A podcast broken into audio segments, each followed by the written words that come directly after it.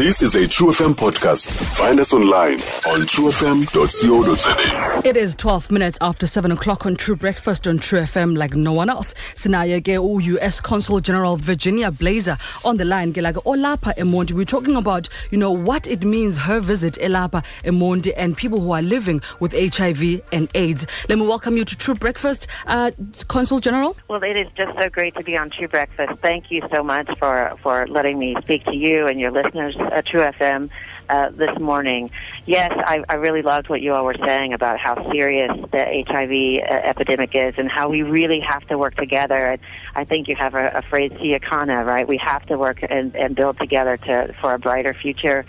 Um, you know, at uh, World AIDS Day this week, uh, we did, as you said, make a big announcement to put in another $16 billion in the next two years to really surge what needs to be done to help South Africans and, and those right here in the Eastern Cape. Mm-hmm. And I will tell you, you know, uh, we're worried. I'm worried. You know, we were so, we've talked so much uh, around the world about 2030 being the year in which we will have an AIDS-free generation.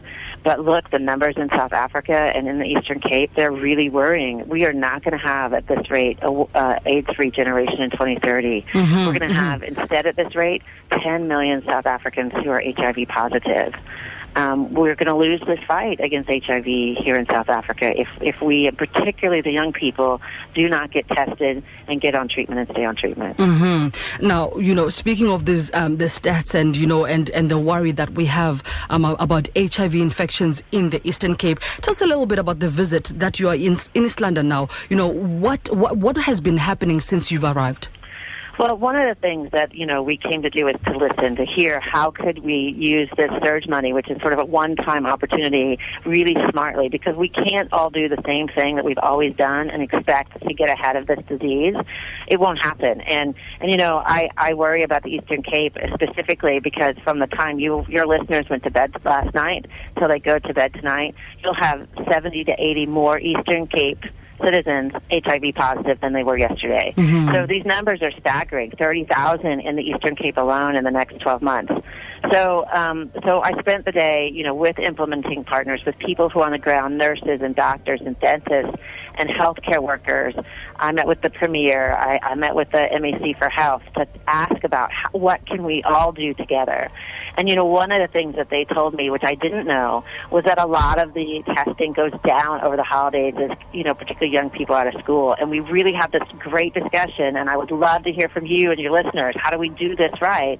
Of turning that around instead of having less testing and treating over the holidays, take advantage of all the people who come back home to the Eastern Cape, all the young people who gather, and is there a way to use this as a positive, as a chance to start that surge activity to get people protected and help them help take care of themselves and their loved ones? You know, maybe your listeners have ideas of how we could do that. Mm-hmm, mm-hmm. Now, Consul General, you know, why was it important that the U.S. government invest billions of dollars in South Africa when it comes to HIV and AIDS?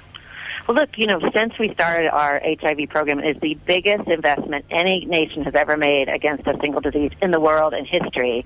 The U.S., American people, because that really is what it comes down to. These are just everyday people, teachers, doctors, truck drivers who put money into this fund who, who fund, you know, the work that is happening out here in collaboration with the South African government. We spent seventy billion dollars, uh, uh, seventy billion rand. I'm sorry, since this program started a, a little over a decade ago, and it's important because you know the idea that South Africa won't succeed because people aren't healthy is just completely unacceptable. Um, you know, you can put in all the economic programs you want and all the infrastructure you want, and even education opportunities. If people are not healthy enough to take advantage of those opportunities, I, I'm not, I, I'm not sure they matter the way we all want them to. So this is just part of a partnership. And, and the idea that a healthy South Africa is a dynamic partner and friend and an incredible positive influence on all of Africa and in the end, I I stay up at night worried about what's happening in South Africa on these numbers. I mean, they're just unbelievable, and and we're running out of time. I mean, I'm worried, and um, this is really in the hands of the youth uh, because that's the big draw and, and purpose of how this is getting passed among Eastern Cape. Uh, there are other places, but the youth is it's scary.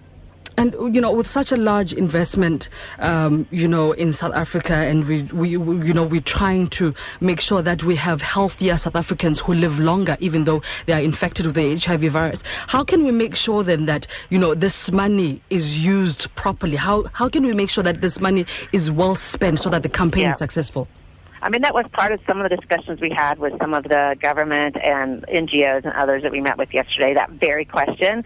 But you know, one of the things I, I feel like we are so missing how we communicate to young people. And the young people are getting infected mm-hmm. and they feel fine, so they don't get tested. Or they get tested and they feel fine and they don't get on treatment. Or they, they do that, but they feel better, so they get off treatment. And, and that's where this disease is passing. And you know what? Like, I, I laughed because all of us sitting around the room trying to figure this out, like, we were we were not all the youth. I mean, we didn't have young people in the room, and and I have kids in this age bracket, and I think to myself, like, we need to hear from them. Mm-hmm. What would it take to get them to not be afraid to get tested, to get them not to feel embarrassed to get tested and on treatment? Because you're right, it is it is not the death sentence that it used to be, but it is still going to impact their lives and their families' lives forever if you don't get tested and treated.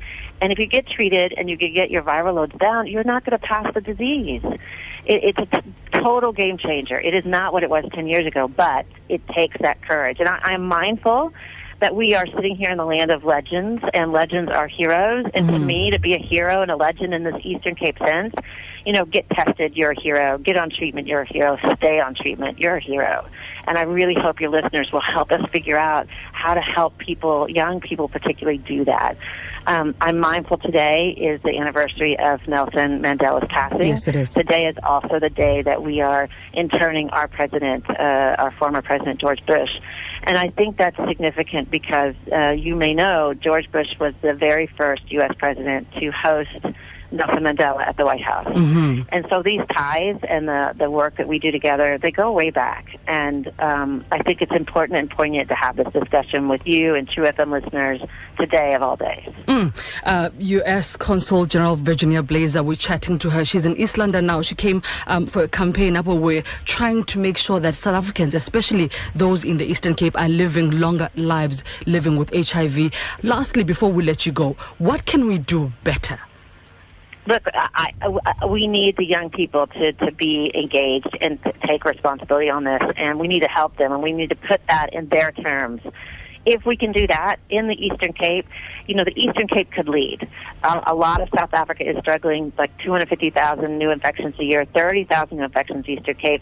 How can all of these amazing assets in terms of the talent, the strengths, the infrastructure here in the Eastern Cape. How can the Eastern Cape lead South Africa in combating HIV? How can they bump ahead of all the other provinces? I think the Eastern Cape can do it. I think it's a special place, but the young people have to tell us how are they going to do that? How are they going to be the game changers for the Eastern Cape? How are they going to be the legends and heroes of their generation? hmm Consul General, thank you so much for your time this morning. We really appreciate it. Thank you so much, and please have your listeners give us ideas on how we can do this right. We will do that. Thank you so much. Siakana, thank you so much. Thank you so much. Hashtag Siakana, hashtag stop HIV with us. That was the U.S. Consul General Virginia Blaser, Elapa Emondi. Stream True FM online on truefm.co.za. sikho yonke indawo ngalo ixesha like no one else